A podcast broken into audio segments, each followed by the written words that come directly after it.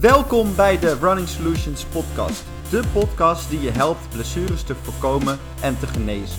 Door jou meer te leren over hardlopen zullen we je transformeren in een gezondere, sterkere en betere hardloper. We gaan alle onderwerpen langs die jou kunnen helpen om niet meer diezelfde fouten te maken en diezelfde blessures te krijgen. Podcast nummer 8 in de serie. We gaan het dit keer weer over een uh, hardloopblessure hebben. Ik heb me goed voorbereid dit keer trouwens. Ja, je hebt, uh... ja ik ben hier met een enkel blessure naartoe gekomen. Kijk, dat is, dat is mooi, want we gaan het hebben over voetblessures. En dan specifiek over in de volksmond uh, hielspoor. Um, in medische termen hebben we het over fasciitis plantaris over het algemeen. En daarvoor hebben we een speciale gast uitgenodigd. Want uh, wij hebben zelf wel een beetje kennis over voetklachten. Maar natuurlijk niet zoals uh, Sharon Belt van uh, Belt Podotherapie. En ja, zij gaat ons helpen om dit onderwerp eens goed te ontleden. Dus welkom. Dankjewel. Um, kan je vertellen wat je zoal doet in de dagelijkse praktijk? Ja, ik heb een eigen podotherapiepraktijk. Um, samen met mijn zus. Um, het uh, zit binnen een heel groot sportmedisch centrum, genaamd Fysiomed, vlak achter het Olympisch Stadion in Amsterdam. Um, ja, daar zien we dus uh, heel veel voetklachten, maar ook knie, heup, rugklachten, die allemaal gerelateerd zijn aan nou ja, voetstatiek en uh, ja, manier van bewegen eigenlijk. Ja. Dus afwijkende manier van bewegen nou, kan tot klachten leiden en daar houden wij ons eigenlijk ja, eigenlijk de hele dag door mee bezig. Ja, en dat zijn vooral sporters ook, toch? Of, uh... Ja, we zien uh, de populatie zijn uh, nou ja, de topsporters. Echt allerlei soorten topsporters. Dat kunnen inderdaad atleten zijn, um, nou, triatleten, maar ook topvoetballers, Het is mooi dat je dit onderscheid trouwens maakt, hè? want voetballers kunnen we niet direct als de grootste atleten op de wereld zien. of mag dit grapje niet? Ja, voor mij mag het wel. Ik hou mij stuk stil, ik zie echt geen, geen voetballer. Dus. Ja, volgens mij is bij jullie best heel veel profvoetballers, toch? Ja, Die, ja komen. klopt. Ja. Dat, nee, ja, goed, de eigenaar, of een van de eigenaren van Fishermet, die um, heeft vroeger uh, ook Nederlands elftal gedaan, Ajax. Dus die heeft echt een heel groot netwerk van allerlei zaakwaarnemers, maar ook nou ja, voetballers. Ja. Dus ja, die zien we geregeld in de praktijk. Ja, dus komen ook bij jullie voor, met, met voetproblemen? Ja, zeker. Voetproblemen, maar ja, dus ook Van alles, ja. ja. knie, heup, rugproblemen en die zien wij dus ook. Um, nou ja, zelf heb ik de achtergrond als uh, basketbalster. Ik heb uh, zelf professioneel gebasketbald. Um, dus nou ja, die populatie we ook. Ja. um, maar ook veel recreatieve hardlopers. Uh, nou, mensen die actief in het leven staan eigenlijk. Ja. Alright, dan gaan we het onderwerp even introduceren. Want uh, ik zei net al uh, hielspoor. Mm. En uh, dan zie ik je toch een beetje kijken van... Hé, hey, let eens op wat je zegt. bedenkelijk kijken, ja. Vertel, waarom? Ja. Nou, um, hielspoor betekent eigenlijk een calcificatie aan het hielbeen. Dus sorry? Ja, dat betekent eigenlijk een stukje extra botvorming, uh, een ja, hielspur eigenlijk aan het hielbeen. Ja. Um, en dat is niet wat daadwerkelijk de klacht geeft. Um, het is veel meer zeg maar, de peesplaat die onder de voet doorloopt, dus die aanhecht aan het hielbeen, uh, die vergrote trekkrachten genereert. En ja, dat geeft op een gegeven moment uh, problemen. Vaak ja. uh, bij overbelasting. Dus in, in, feite is het zo, zoals bijna bij elke blessure, tenminste dat is in mijn ervaring zo. De plek waar je de pijnklachten ervaart, daar gaan we het ook op benoemen. Ik heb kniepijn, maar doorgaans liggen de problemen, de oorzaken daadwerkelijk die de problemen veroorzaken, de pijnklachten veroorzaken, ergens anders. En dat is bij hielspoor dus in feite ook zo, waardoor eigenlijk hielspoor een verkeerde naam is, als ik het goed begrijp. Toch? Ja, eigenlijk is dat de aanhechting dus van die peesplaat. En die heeft natuurlijk, ja, een, die, die waaiert uit eigenlijk naar de grote tenen, naar de grote tenen en andere tenen toe. Um, ja, en nee, daar geeft hij in principe uh, die pijnklachten. Maar goed, de oorzaak kan inderdaad uh, heel erg anders liggen. Volgens mij is het zo dat als je het over hielspoor hebt, dat je het inderdaad over die botvervorming hebt. Hè? Dat je ja. zo'n speur uh, noemen ze dat dan hebt. En dat dat in heel veel gevallen helemaal niet, het niet er is, helemaal niet aanwezig is en dat er wel pijnklachten zijn, dus dat het dan ook niet in die termen zou horen te vallen. Klopt. Het wordt gewoon in de volksmond wordt het echt uh, nou ja, genoemd, heel makkelijk natuurlijk. En nou, dan, denk je van, goh, ik ga even een röntgenfoto maken om te kijken of daar een uh, extra stukje bot aanwezig is. Alleen Eh, dat hoeft inderdaad, eh, of dat geeft, vaak, dat geeft helemaal niet de pijnklacht. Het is inderdaad dus die eh, overmatige, overmatige trekspanning. Ja. Ik hoor heel regelmatig, die heb ik echt zelf ontzettend vaak in mijn stal gehad. Jeugdvoetballetjes die dan hielspoor zouden hebben. En die worden daar allemaal op gediagnosticeerd door, nou ja, weet ik veel welke medisch professional. Mhm. En dan gaat dat altijd gepaard met de opmerking dat dat ligt aan de groeischijven. Nou ben ik wel, ik neem aan dat er best wel mensen luisteren naar deze podcast die kinderen hebben met een beetje geluk die dit een keertje hebben meegemaakt. Of, is dat daadwerkelijk zo of is het echt beloning? N- Nou, misschien in eh 0,01 van de gevallen dat het dat is. Ehm, maar over het algemeen gaat dit eh, veel meer over de groeischijf van het hielbeen. En vaak ehm, eh, kinderen zeg maar tussen een jaar of, nou ja, 8, 9 en 13, 12, 13 zeg maar.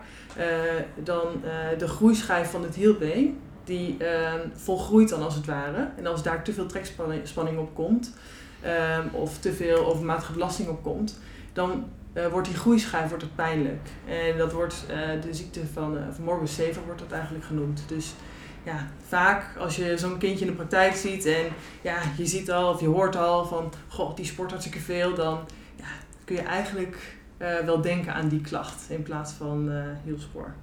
Ja, dus dan is het weer een andere blessure. Ja, precies. Ja. Ja. Is het, volgens mij is het zo dat, je, dat de mensen dat dan gebruiken en het eigenlijk een verzamelbak van een heleboel klachten.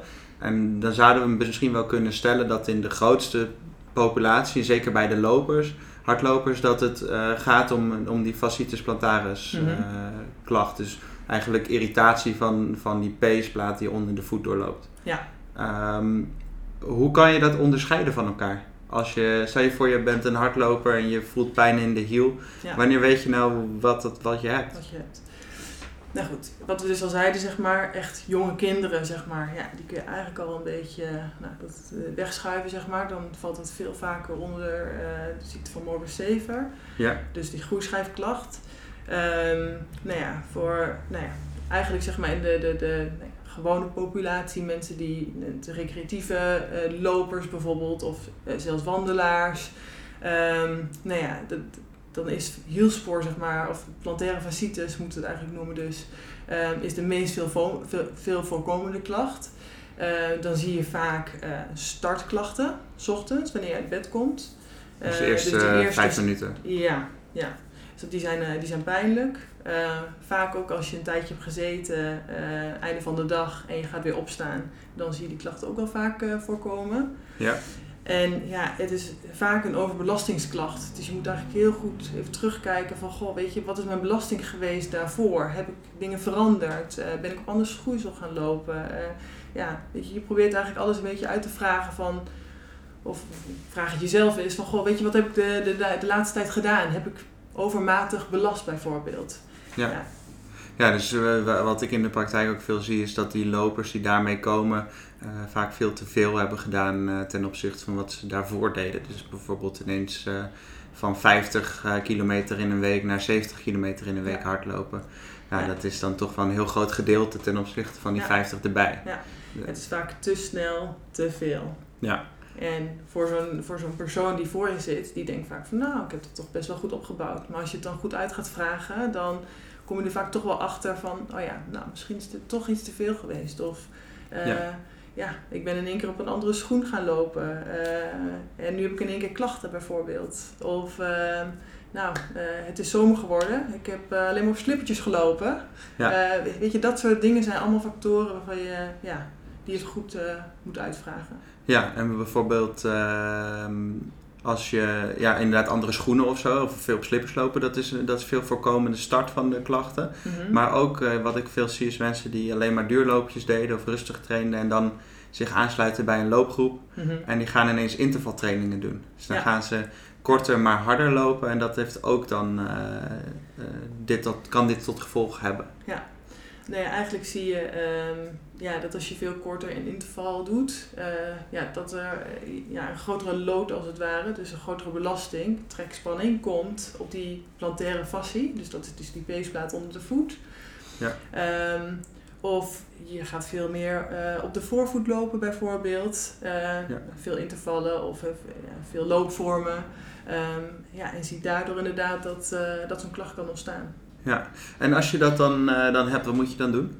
Ja. Nou, is het niet heel handig om eerst even naar de meerdere oorzaken te gaan kijken? Want dat is natuurlijk ook wel belangrijk. Ja? Want een blessure bestaat niet uit het niets. Nee. Die, die, die heeft ergens heeft die zijn oorsprong. En volgens mij zijn er een aantal hele belangrijke en veel voorkomende Mhm. eh, oorzaken. Die Ja. 9 van de 10 keer wel enigszins vergeten worden. Althans, zo'n vermoeden heb ik. Ja, want we riepen net al over belasting, veranderen van schoenen Ja, en dan hetzelfde blijven doen dus eigenlijk. Hè? ja. Eh, veel op slippers lopen. Maar ook intern in het lichaam. Hè? Ik bedoel, eh, ik kan me voorstellen, je zegt het over trekkrachten die erop loskomen. Mhm. Eh, in de training en fysiotherapie spreek je ook vaak over de zogenaamde strekketen. Zoals we die aan de achterkant hebben. Ja. Dus even uitleggen, dat kan jij goed. Ja, dus eh, de, de, alles wat je heup en je been naar achter beweegt. Dus Ja. eh, Ja. hamstrings, kuiten, voet. eh, Is het niet zo dat op het moment dat iemand eh, hele zwakke enkels heeft omdat die kuitspieren niet goed functioneren, dat is onderdeel van de strekketen. Dat Ja. moet ergens over gecompenseerd worden. Ik kan me voorstellen dat dat in die voet problemen veroorzaakt. Sterker nog, misschien nog wel hoger zelfs in de keten. Nou, eigenlijk is, ehm, ja, is het heel multi... ehm, eh, factoreel eigenlijk. Ehm, abnormale bi- biomechanica, dus, dus een abnormale, een afwijkende manier van lopen, zeg maar, ehm, is eh, bepalend voor, of een grote risicofactor voor het krijgen voor, van deze klacht. Dat kan ehm, nou ja, met een platvoet, een best planus het geval zijn, maar dat kan ook met een best cavus voettype, een holvoettype kan dat het geval zijn.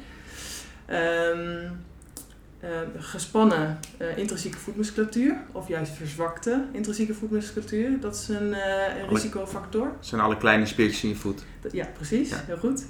Ehm, ehm, een gespannen uh, Achillespees, verkorte Achillespees, maar ook gas, eh, gastrocnemius, ehm Kuitspier. kuitspier. Overgewicht is een eh, risicofactor. Beenlengteverschil. Overmatige pronatie, dus het ja, fors naar binnen vallen van die voet. Nou, dat gaat ook wel deels gepaard natuurlijk met eh, een verzwakte ja, eh, voetspiertjes natuurlijk. Ja. Verzwakte enkels, eh, hoe jij het dan noemt.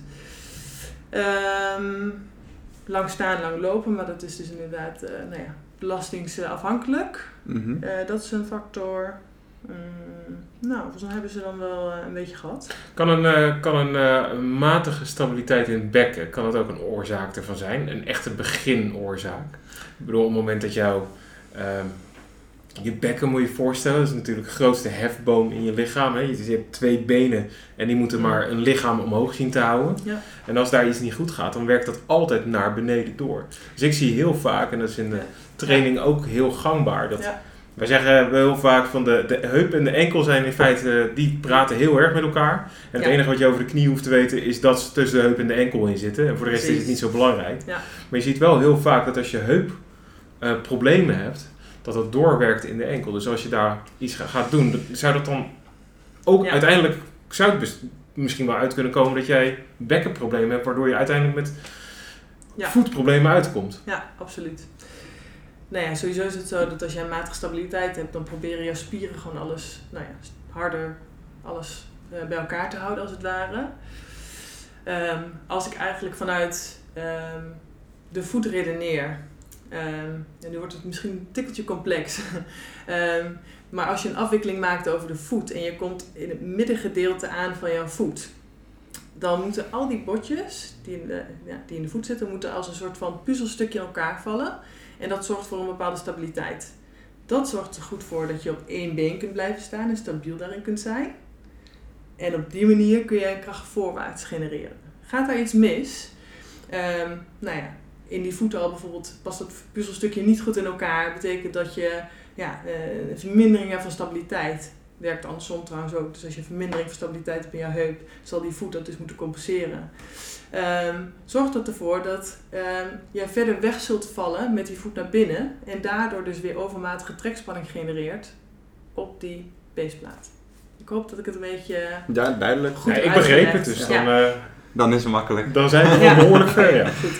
Maar dus voor de, voor de loper is het dus eigenlijk samengevat. Er zijn een heleboel oorzaken die je in het lijf zou kunnen vinden. In de manier van trainen, in de manier van bewegen. Mhm. eh, die dit zouden kunnen veroorzaken. Ja. Ehm, wat ik dan zelf nog zou willen toevoegen is, je ziet heel vaak dat, dat eh, onvoldoende stabiliteit ook ver- veroorzaakt dat, er, dat gewrichten in, een, in het lijf verstijven.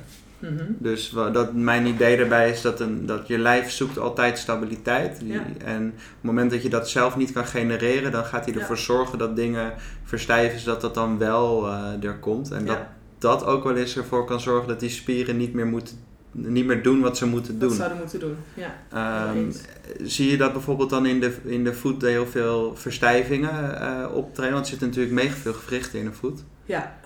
Ehm, wij kijken echt naar ja, gewrichten inderdaad. En naar de bewegelijkheid tussen gewrichten. Ehm, ja, dat zie je heel vaak. eh, dat zie je heel vaak dat, wij komen dat echt dagelijks tegen inderdaad. Kijk, er wordt heel vaak niet zo specifiek naar die voet gekeken.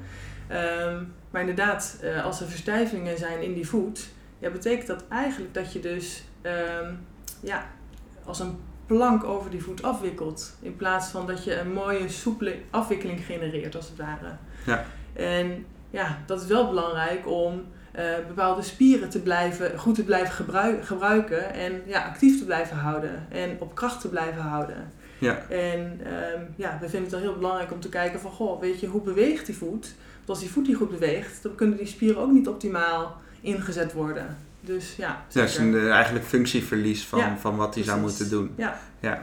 Als we nou eh, voor die lopers gaan, gaan kijken van je, je ervaart voor de eerste keer die, die pijn in die voet of hij is wat stijf als je opstaat. Ja. Dat is dan even meestal wat ze dan voelen. Ja, Eh, wanneer moet je...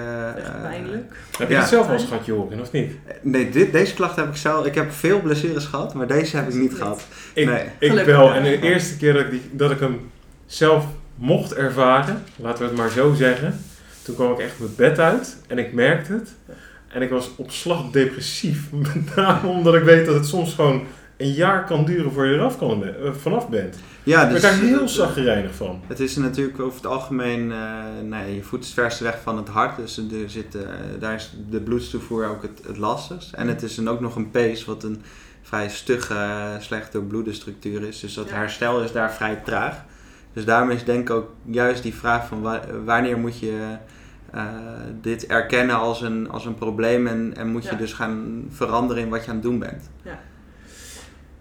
Ja, het is denk ik heel belangrijk om te kijken inderdaad, wat is nou de, de oorzaak van het probleem geweest? Als er een hele aanwijs, duidelijk aanwijsbare eh, factor is geweest en die blessure is nog vrij kort aanwezig, ja, dan moet je wel even goed gaan kijken naar wat is je belasting en belastbaarheid. Dus, dus je moet wel een stukje achteruit in je belasting om de tijd te kunnen geven om te kunnen herstellen. Dus je moet eigenlijk minder gaan sporten of minder gaan wandelen of eh, ja, voor je een moet heel goed kijken van wat is je belasting ehm, en hoe kun je die op een bepaalde manier kun je die minderen. Dat betekent niet dat je helemaal niet meer kan sporten, maar het is wel handig om te kijken van goh, weet je, hoe kun je die ja, belasting net even wat verminderen om ja, die pees toch wel weer de, de, de tijd en ruimte kunt geven zeg maar, om goed te kunnen herstellen. Dus stap 1 is eigenlijk op het moment dat je dit voelt, eh, moet je dat erkennen als een probleem en meteen Ja. eh, eigenlijk gaan verminderen Ja. in belasting. Dus in, in sport of in wandelen of in Ja. eh, staan. Dat zou ik zeker aanraden, want als je hier te lang mee doorgaat, dan ben je echt verder van huis. Wat staat er bij jou in de praktijk nou met stip op nummer 1 als oorzaak? Is dat iemand die echt daadwerkelijk echt heel veel te veel in één keer gaat doen? Of toch meer een, een, een gelijkmatiger opbouw? Of wat? wat is- het hangt een beetje af. We, zien natuurlijk heel verschillende populaties. Maar als je kijkt naar de hardloper die dit eh, probleem heeft inderdaad. Ja, dan is het vaak gewoon te snel te veel gedaan. En dan, dan, de heb klassieke je. Ja, eh, dan heb je die loper die, die dat dan heeft gedaan en die doet dan eens even wat minder, maar die klacht gaat niet weg. Mhm. Wat, wat, eh, wat gebeurt er dan? Wat moeten we doen? Ja op dat moment zou ik toch hulp inschakelen. Ja. ja. Ja, dus dan Ja. moet je eigenlijk naar iemand die, die veel weet van, van loopblessures. En, Ja. eh, want volgens mij kun je wel zeggen dat deze, deze blessures, als je daar verkeerd mee handelt, dan kan het heel lang duren. Ja. Uh, dus het is eigenlijk zaak om op een bepaalde manier juist die, die voet weer te gaan trainen. Je probeert gewoon eigenlijk de factoren die jij kunt beïnvloeden, die probeer je gewoon te gaan beïnvloeden om zo snel mogelijk van die klacht af te komen. Ja. Kijk, uit heel veel wetenschappelijk onderzoek komt ook wel van naar voren van ja, vaak na een jaar verdwijnt die klacht wel weer. Alleen, ja, wie heeft er nou zin om een jaar, jaar lang met deze klachten te lopen? Nou, jij hebt het gehad. Nou, ja, heel pretje. kort. Nee, nee, het is echt geen pretje. En je moet je voorstellen, ik, ik vind dat de dokter, doktoren doen er te makkelijk over. Uh, op het moment dat je zegt, ja, het kan je een jaar kosten, maar het gaat vanzelf weer over. ik wil niet heel pessimistisch overkomen, maar met een beetje pech is dat gewoon 15 tot 20 procent van je leven dat je met die klacht rondloopt. Nou, dat moet je toch niet willen? Ja, dat klinkt misschien heel lullig, maar volgens mij is het wel echt, dat is echt lang hè? Ja. Het is echt heel lang. Ja. Overigens, wat ik dan wel benieuwd naar ben, voordat je daar verder op ingaat. Ik ben niet helemaal thuis in deze materie, maar als je gaat kijken naar hoe het genoemd wordt, fasciitis, dus dat suggereert dat het een ontsteking is. Mhm. Een ontsteking kan vaak ja, wel even duren, maar gaat wel over. Mhm. Maar ik heb ook wel eens gelezen dat het, uh, ja, ik kan het niet op een makkelijke manier zeggen, dat het degeneratie van uh, collageenweefsel is. Mm -hmm. Kortom, dat daadwerkelijk dat je cellen zo'n beetje zichzelf aan het afbreken zijn. Ja, klopt. Um, gaat het een over in het ander waardoor het dan zo lang duurt? Of hoe moet het dat ongeveer voor me zien? Het zijn gewoon eigenlijk iedere keer kleine beschadigingen van ja, die, die, die pees als het ware. En um, ja, het wordt fasciitis genoemd inderdaad. Dat is ja, dus ontsteking, itis, ontsteking. Um, het is niet per se een ontsteking zoals dat je wond ontsteekt. Het is vaak een stillere ontsteking. Um, maar dat komt dus omdat het een degeneratief proces is. Ja, die moet je toch even uitleggen aan me. Wat je, wat je, als je op internet kijkt veel uh, en de research gaat bekijken naar dit onderwerp, en hetzelfde voor een Achillespees, is dat volgens mij dat, uh, dat ze zeggen je vindt wel ontstekingscellen, mm -hmm. maar er is niet echt een acute ontsteking. Precies. Dus wat je, wat je volgens mij zou kunnen stellen is dat het, het weefsel van die pees, wat dan collageen wordt genoemd, dat dat, dat qua kracht en qua functie vermindert. En dat, Ja. dat noem je dan degeneratie. En dat betekent dus eigenlijk de, de kwaliteit van die pees neemt af. Ja. En zijn functie wordt daardoor ook verminderd. Dus hij is eigenlijk minder krachtig en kan minder goed doen wat hij moet doen. Ja. Uh, en dat is een langer proces. Dus in eerste instantie is het een klein beetje schade, wat scheurtjes van dat weefsel. En als je dan te lang te veel doordoet, dan wordt dat uh, een proces van steeds minder uh, functie, steeds minder uh, kracht en steeds minder weefsel van die pees wat goed gaat. Helemaal eens. Volgens mij is het dan ook zo dat je, dat je zou kunnen stellen dat als je niet de juiste revalidatie volgt, dus in bepaalde stappen, dat je het alleen maar erger maakt. Ja. Dus wat we weten in, in de literatuur over peesweefsel, want daar Mhm. hebben we het over, is dat je zou kunnen zeggen als je bijvoorbeeld in, in die acute fase zit, dus je hebt net klachten, dan wil je eigenlijk uh, alleen maar een beetje eraan trekken, Mhm. zonder dat je per se heel veel wil bewegen in die pees, omdat dat vaak uh, ervoor zorgt dat er meer zenuwbaantjes worden aangelegd en meer bloedvaten in dat gebied. Ja. En dan krijg je dus meer pijn en meer klachten. En dan heb je Ja. dus zwelling, roodheid, Ja. dat soort dingen. Ja. Klopt ja, dat? dat? Is, ja, dat klopt. En dat is dus heel vaak heel lastig. Want ja, je creëert al snel uh, ja, een forsere trekspanning zeg maar, aan, aan die pees. Dus ja, weet je, een, een ja, bepaalde belasting is inderdaad goed. Alleen geen overmatige belasting. En, Ja. Die grens zoeken is lastig. Ja.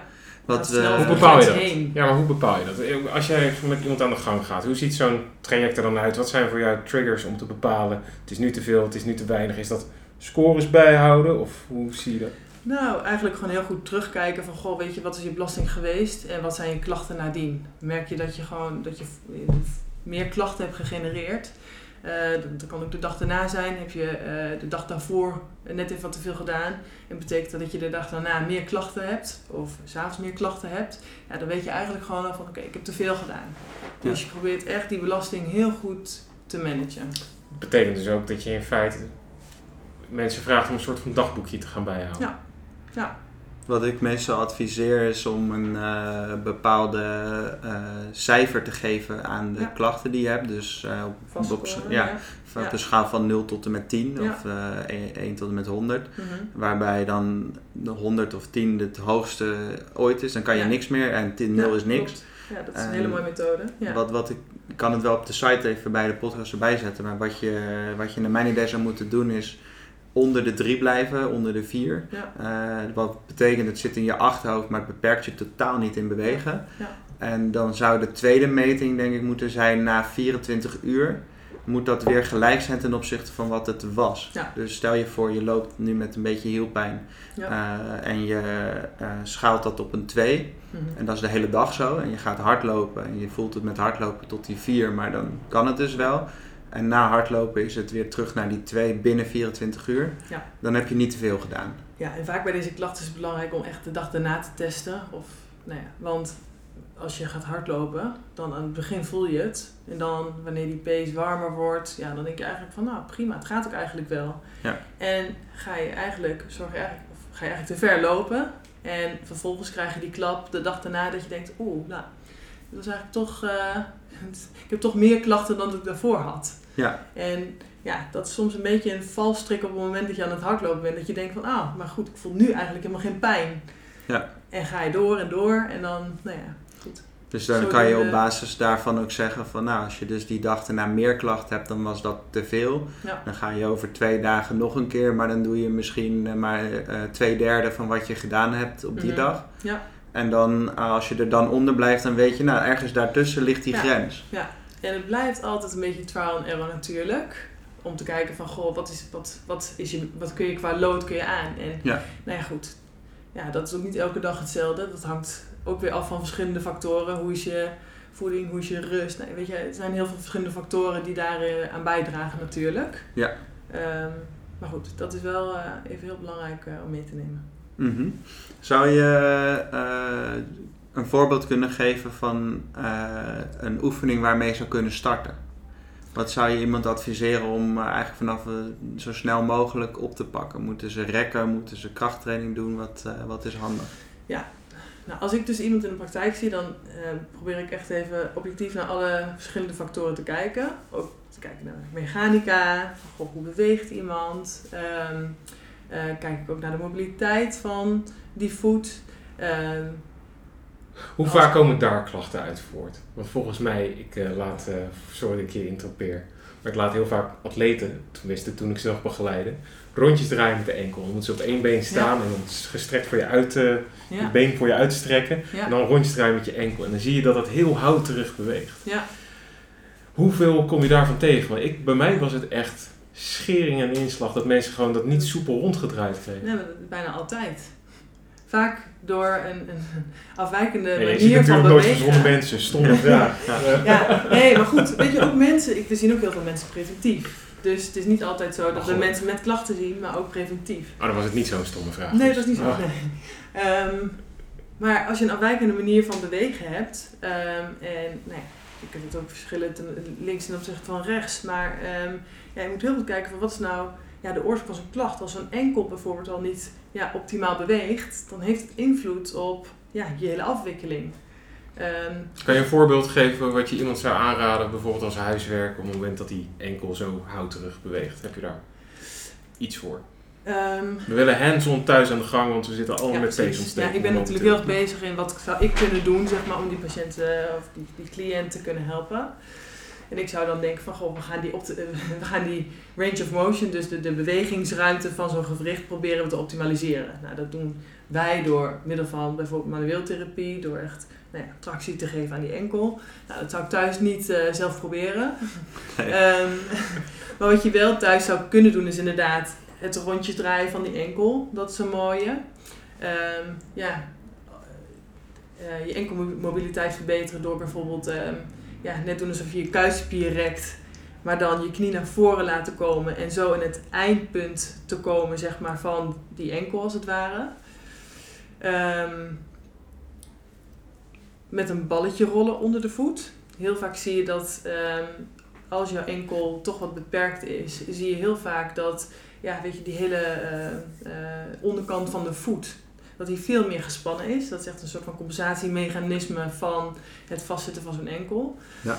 Ehm, dus ja, een stukje mobiliteit vergroten als het ware. Dus nou, dat zijn dingen wat je eigenlijk zelf thuis eh, mooi zou kunnen doen. En dat is toch in heel veel gevallen ook wel dat we kunnen stellen dat dat, dat, dat een probleem is in dit soort klachten. Hè? Dat, dat, dat die voetbewegelijkheid, hoe soepel dat is, Ja, dat dat echt wel eh, schort. Dus ja, niet goed genoeg. klopt. Dus dat, dat is een van de dingen die eigenlijk kan je die sowieso doen zonder dat dat problemen oplevert, denk ik. Precies. Uh, dus dat is uh, altijd de moeite waard. Ja. Maar volgens mij is het ook zo dat je los van alle oorzaken die, uh, die we als therapeuten kunnen vinden, hè, want Ja.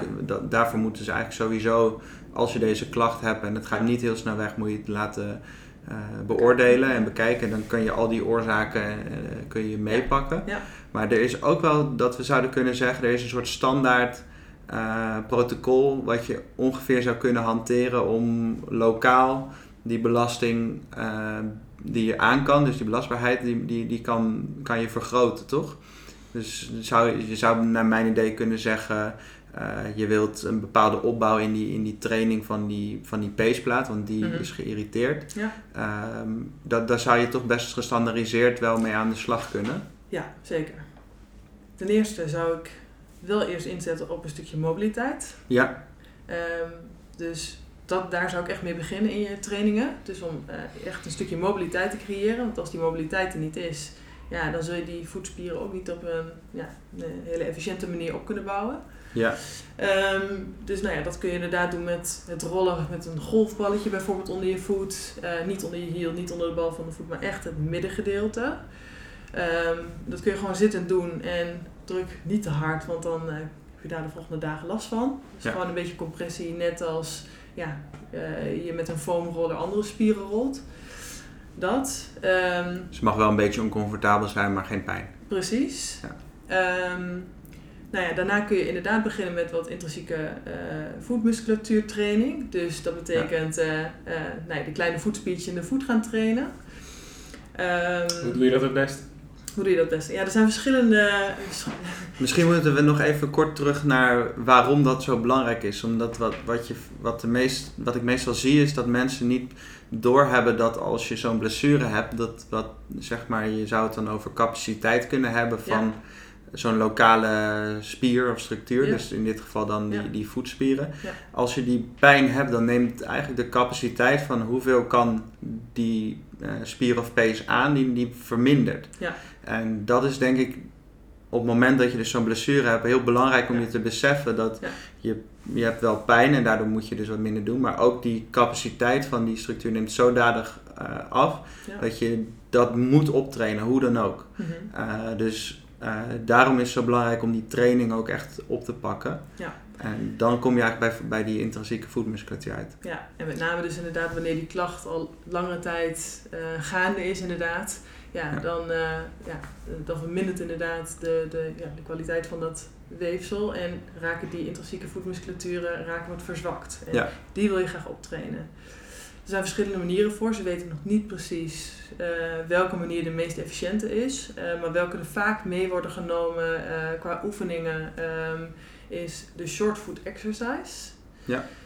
Dat betekent eigenlijk ehm, ja, het korter maken van de voet zonder daadwerkelijk je tenen te klauwen. Dus je probeert eigenlijk, eh, ja dat is best moeilijk. Ja. Ga, ga thuis maar eens even proberen. Ik, ik zal een video bij de podcast Nee, ik zetten. ga het nu doen. Ja, tuurlijk. Ja. Nee, dus, Ja, dus, ik heb er ook een video van, dus die zet ik bij, eh, Ja, bij, de, bij de website. ja, dus je zet je hiel van de voet zet je op de grond. Ja. Eh, de bal van de voet zet je op de grond. En je wil eigenlijk de bal van de voet richting je hiel trekken. Zonder daadwerkelijk je tenen te klauwen. Dat valt niet mee. Nee, dat is best, dat voor heel veel mensen is dat best lastig inderdaad. En het gaat met name om dat je vindt, ehm, dat je de manier vindt om die spier te activeren. Dus is eigenlijk, coördinatie. Dat is een stukje, ja, ja, inderdaad, een stukje coördinatie en weten hoe je die moet activeren. Ja. Dus weten hoe je die spier moet gaan gebruiken. Ehm, ja, eh, toe curls, dus het, eh nou ja, weet je, handdoekje naar je toe trekken, dat is eentje. En eh heel races kun je eigenlijk goed toepassen. Ja. Eigenlijk zijn dat de drie die... Dus op je tenen staan die... die Ja, precies. Ja. Ik heb de laatste tijd veel gelezen over, over dat je dat ook bijvoorbeeld kan doen met een opgerolde handdoek of zo. Ja, klopt. Dat Dus je je teen eh, omhoog eh, zet. met die heel races bedoel je? Ja. Ja, precies. Ja, dat is eigenlijk dus met een opgerolde handdoek onder je tenen en dan eigenlijk op je bal van, van de voet staan en op die manier ja, je hiel gaan liften. Dat is Ja. eigenlijk een hele Wat is de reden daarvan? Ehm, wordt misschien iets technische verhaal weer. Ja. Ehm, maar in principe die, die peesplaat, ehm, ja, die heeft een windslash mechanisme. En dat betekent eigenlijk dat het een soort van hefboomeffect heeft. Een soort springveer, toch? Een soort van springveer inderdaad. Dus die eh, grote teen die maakt dorsiflexie, dus die, die maakt flexie op het moment dat je ervan afwikkelt. En op die manier eh, verkort hij de voet als het ware. Ja, ik denk dat je het zou kunnen zeggen als eh, dat je het een soort driehoek moet zien Ja, en dat die punt hoger wordt. Klopt. En nou, volgens mij is het zo dat als je die grote teen op spanning zet, dat die peesplaat die functie heeft, toch? Dat naar elkaar ja, toe trekken. precies. En dat heet dus het windlash Ja. mechanisme. Inderdaad, je legt het heel mooi uit. Is, is het zo dat, eh, dat je, als je dan traint op die eh peesplaat, dan je zet eh, die eh, tenen dus in die eh, eh, flexieposities wat, om, wat Ja. omhoog, dat je hem dan harder traint, de, die pace, of is, is dat niet per se zo? Ja, je probeert eigenlijk die functie eh, weer terug te krijgen als het ware. Maar ik denk wel dat je inderdaad op moet passen. Eh, je wil wel graag mobiliteit in die voet hebben, dus dat je het op een goede manier uit kunt oefenen. Ehm, en je moet even heel goed gaan kijken van, goh, weet je, ben je op dat, zit je al op dat punt dat je die oefeningen daadwerkelijk goed kunt doen. Ja. Dus ik zou inderdaad beginnen bijvoorbeeld met de short foot exercise, eh, nou ja, die toe curls. En ja, weet je, op het moment dat dat allemaal goed gaat, eh, kun je hem in principe vergroten inderdaad. eh, of kun je je oefenreeks inderdaad vergroten door die oefening erbij te pakken. Ja, dus het is eigenlijk een later stadium omdat die druk heel hoog wordt daarin. Omdat de druk heel hoog wordt. Ja. En inderdaad weer goed gaan kijken van, goh, weet je, vergroten mijn klachten nadat ik die oefening gedaan heb. Ja. En met name dus weer de dag daarna.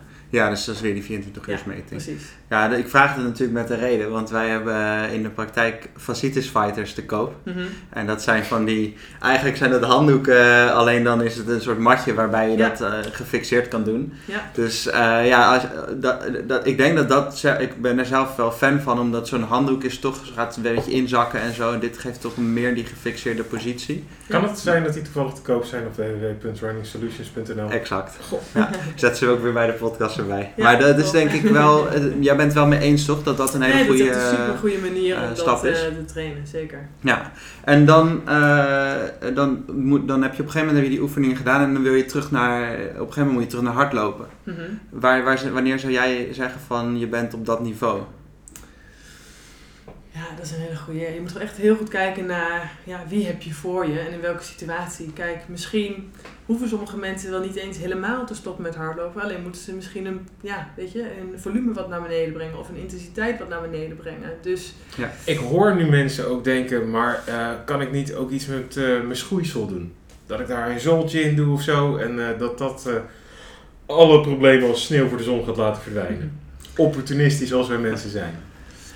Nou ja, ehm, dat kan zeker een optie zijn. Alleen je moet denk ik heel goed kijken van wie heb je voor je? Wat is de afwijkende manier van lopen? Kijk, ehm, het, is het echt bijvoorbeeld het vastzitten van die gewrichten? Dan kun je misschien met manueel therapie al ja, heel wat bereiken. Kijken naar van oké, wat is de reactie daarop? En kun je op een hele actieve manier, ja, in combinatie met oefeningen, kun je iemand al goed op weg helpen. En ehm, ja, probeer op die manier de belasting eigenlijk weer langzaam op te voeren. Ja, weet je, in, in heel veel gevallen kan dat. Maar ja, wij krijgen in de praktijk ook heel veel mensen die ja, hier misschien al wel drie kwart jaar last van hebben. Eh, die komen er maar niet vanaf. Ja, en op die manier probeer je dus eigenlijk ja, die biomechanica op een zo goed mogelijke manier ehm, ja, weer, weer, weer gangbaar te krijgen als het ware.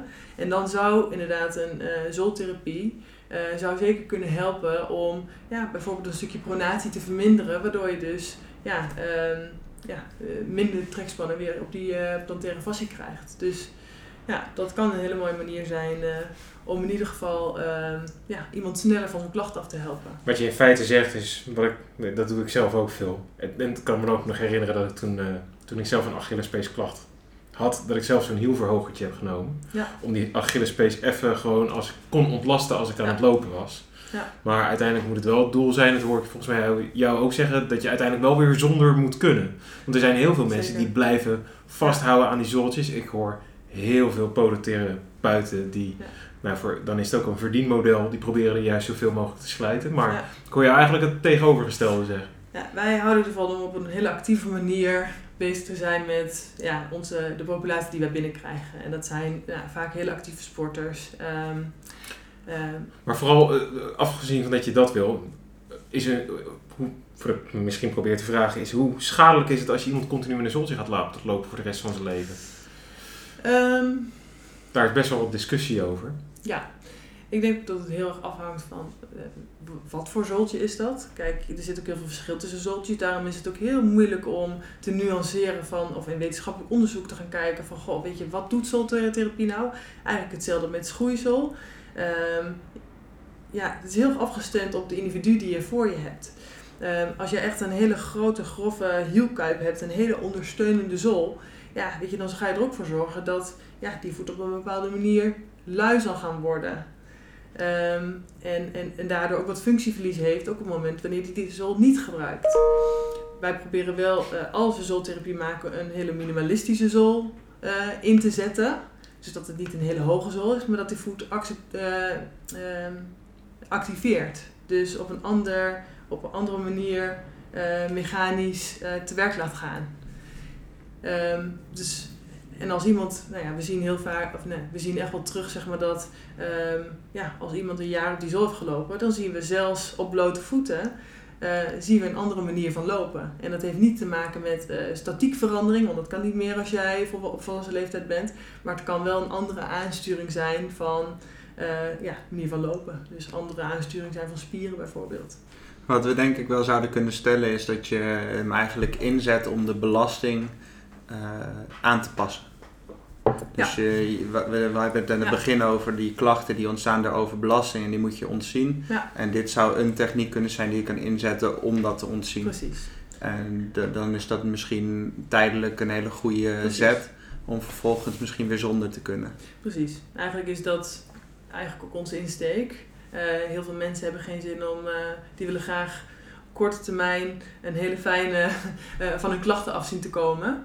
Ehm, ja, en dan kan het best wel zo zijn dat na, nadat die klacht verdwenen is, ja, dat je het ook weer gewoon hartstikke mooi weer kunt, kunt afbouwen met zo'n zool. En dat je gewoon prima weer eh, zonder zool door het leven kunt. De kunst is dus ei- eigenlijk gewoon alle factoren die je kan beïnvloeden, beïnvloeden. Ja, En dan eh, is een stukje training, is een stukje ontlasten, Ja. is, een stu- is een stukje eh, verminderen in, in, in sport. Ja. En alles samen is, dus, dus maakt die puzzel compleet. Ja, precies. Schoeisel is daarbij trouwens ook nog wel erg van belang. Ehm, heel vaak zie je wanneer mensen dus ehm, nou ja, klachten genereren. Ehm, ja, als je veel blote voeten gaat lopen, je had het net over een hielverhoging bijvoorbeeld.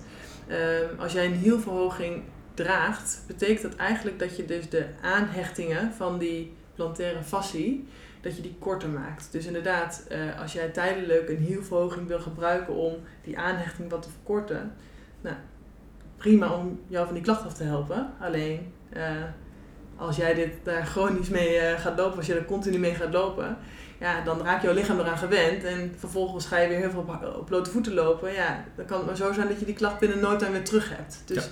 het is wel heel belangrijk om te kijken ehm, ja, eh, dat je ook al die andere factoren, dus de, de, de actieve factoren die je kunt beïnvloeden door middel van oefeningen, ehm, ja, dat je die goed, goed blijft inzetten als het ware. Om zodoende weer ja, zonder zool, zonder hielverhoging weer ja, door het leven te kunnen gaan. Ja, het is een tijdelijke oplossing, maar Precies. niet eh, lange termijn eh, Nee, idee. precies.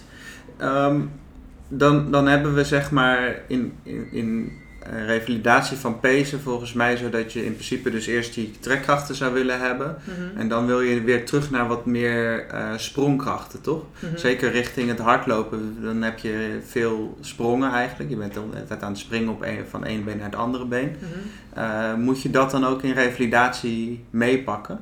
Dat, een, dat je lijf dat weer leert? Ja, tuurlijk. Ja, zeker. Hoe zou je dat doen?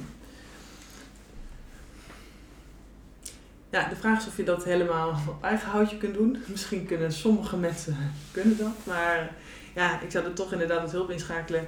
Kijk, eerst moet je natuurlijk in je dagelijks leven gewoon ja, pijnvrij zijn. Dan ga je langzaam opbouwen om ja, een klein stukje te gaan hardlopen. Maar als je echt weer ehm, ja, de richting interval, um, uh, oefen, oefen, oefenvormen wil gaan, ja, dan zul je dat eerst even als een stukje training in moeten bouwen. Voordat je weer zo'n uh, hele training uh, bij je atletieke vereniging weer mee gaat pakken. Ja, ja het, wat, ik, wat, mij, wat ik altijd vreemd vind, is dat de meest logische manier om dat te trainen, die wordt doorgaans vergeten. Ik begin er altijd mee voordat ik ga hardlopen. Ja, Touwtje springen. Ja. springen ja. Dat is by far de beste manier van training, omdat je altijd de juiste uh, tijd hebt waarbij die spieren onder spanning komen te staan en ook weer ontlasten. Weet je, uh, op het moment dat je zelf gaat springen op een box of je gaat een pliometrische training doen zoals ze dat heten. Ja. Ik heb geen idee hoe je dat uitlegt. Ja, uh, snelle richtingsveranderingen. Precies, dankjewel. Ja. Daarvoor hebben we jou natuurlijk, Jorin. Um, nee, maar touwtjes springen is, is de juiste frequentie, het is de juiste intensiteit. Kun je net zo lang doen als dat het goed aanvoelt. Maar ik zie nooit iemand in zijn warm-up doen. Als je al mensen een warm-up ziet doen, maar ik zie het nooit iemand doen. Heel gek. Nou, ik denk dat dat wel een manier is om dat windlessmechanisme waar we het net over hadden eh, enorm te activeren in sprong. Uh, ja. Dus in, ja, eigenlijk heel sportspecifiek al. En het zou helemaal mooi zijn als je kan hardlopen met tegelijkertijd uitspringen. Time je ook nog eens je afzet heel erg goed mee. nou, doe maar voor jongens. nou, ik heb nee, deze ruimte is te klein, hè? je hoort het aan de echo. Ja, hier gaat het niet lukken. Nee, wij, wij hebben eh, toen ik zeg maar in hetzelfde in, de, in een topatletiek team zat, daar trainden wij eh, de loop, uh, loop, loopjes, zeg maar. Dan moesten mm. we 80, 90 meter ja. met uh, springtouw lopen. En ja. dat is echt verdraaid lastig. Ja, misschien ook om de, om de cirkel rond te maken. Ik ben een paar jaar betrokken geweest bij een voetbalacademie. Mm -hmm. Voor allemaal jonge voetballers tussen de 12 en 17. En we begonnen standaard met touwtjes springen. In die leeftijd dus veel jongens met hielklachten als sneeuw voor de zon verdwenen. Ja, dat is een hele goede. Ja, of over één lijn springen, dus heen terug springen, uh, zijwaarts springen. En dat dan in een, een, sequence doen van eerst 20 seconden, dat kun je dus langzaam opbouwen. Nou ja, weet je, dat zijn echt hele mooie manieren op, uh, twee benen of op één been? Um, nou, begin eens even met twee benen. Nee, dat heb ik ook nog niet gehad. Heel vaak heb je aan één kant uh, klachten of daar begint het en dan komt de andere erbij. Dus, nou goed. Um, ik zal beginnen op twee benen en vervolgens kun je dat ja, uitzetten naar één been. Ja, ja, en de, de kunst is dus eigenlijk, als we hem zo samenvatten, ja. op tijd signaleren, signaleren. Wanneer heb je, als je pijn hebt, hoe lang blijft het aanhouden en stop, stop op tijd, ga er vooral niet mee door. Ja. Uh, zodra het te veel wordt, meteen hulp inschakelen uh, van iemand die daar wel verstand van heeft. En dan zou ik niet zeggen, ga naar je algemene uh, fysiotherapeut of zo, maar ga echt naar iemand die of heel veel met voeten bezig is, of juist met de sport die je doet. Ja. Uh, anders dan kom je geheid bij de verkeerde uit en dan is het uh, neem maar rust en dat, dat werkt niet hè? Nee, alleen maar rust houden, dat is ook niet de oplossing. Nee, en dan, dan kun je het op tijd dus aanpakken met professionele hulp en dan kan je het vaak binnen korte tijd wel oplossen. Ja. Um, loop er vooral niet te lang mee door. Dat is uh, ja, de, ja. De, de, de, belangrijkste boodschap. Ja, precies. Als je te lang doorloopt, dan, uh, dan wordt het een, uh, een heel moeilijk en lang verhaal om er weer uit te komen. Ja. Dat is denk ik samenvattend wat we zouden moeten stellen, toch? Dus op tijd aan de, aan de bel trekken en, ja. en het oplossen. Ja. Dat is, dat, dat is hem dan denk ik voor vandaag. Of heb jij nog Aanvullingen. Aanvullingen. We, nee, ja, we kunnen nog veel verder de diepte in gaan, maar ik denk dat dit uh, reikt. Ja. Toch? Ja, dus eigenlijk moeten we vooral even stellen voor de lopers, uh, trek op tijd aan de bel. Dat kan bij jou uh, in Amsterdam yes. of hier in Hilversum kan je natuurlijk bij mij terecht.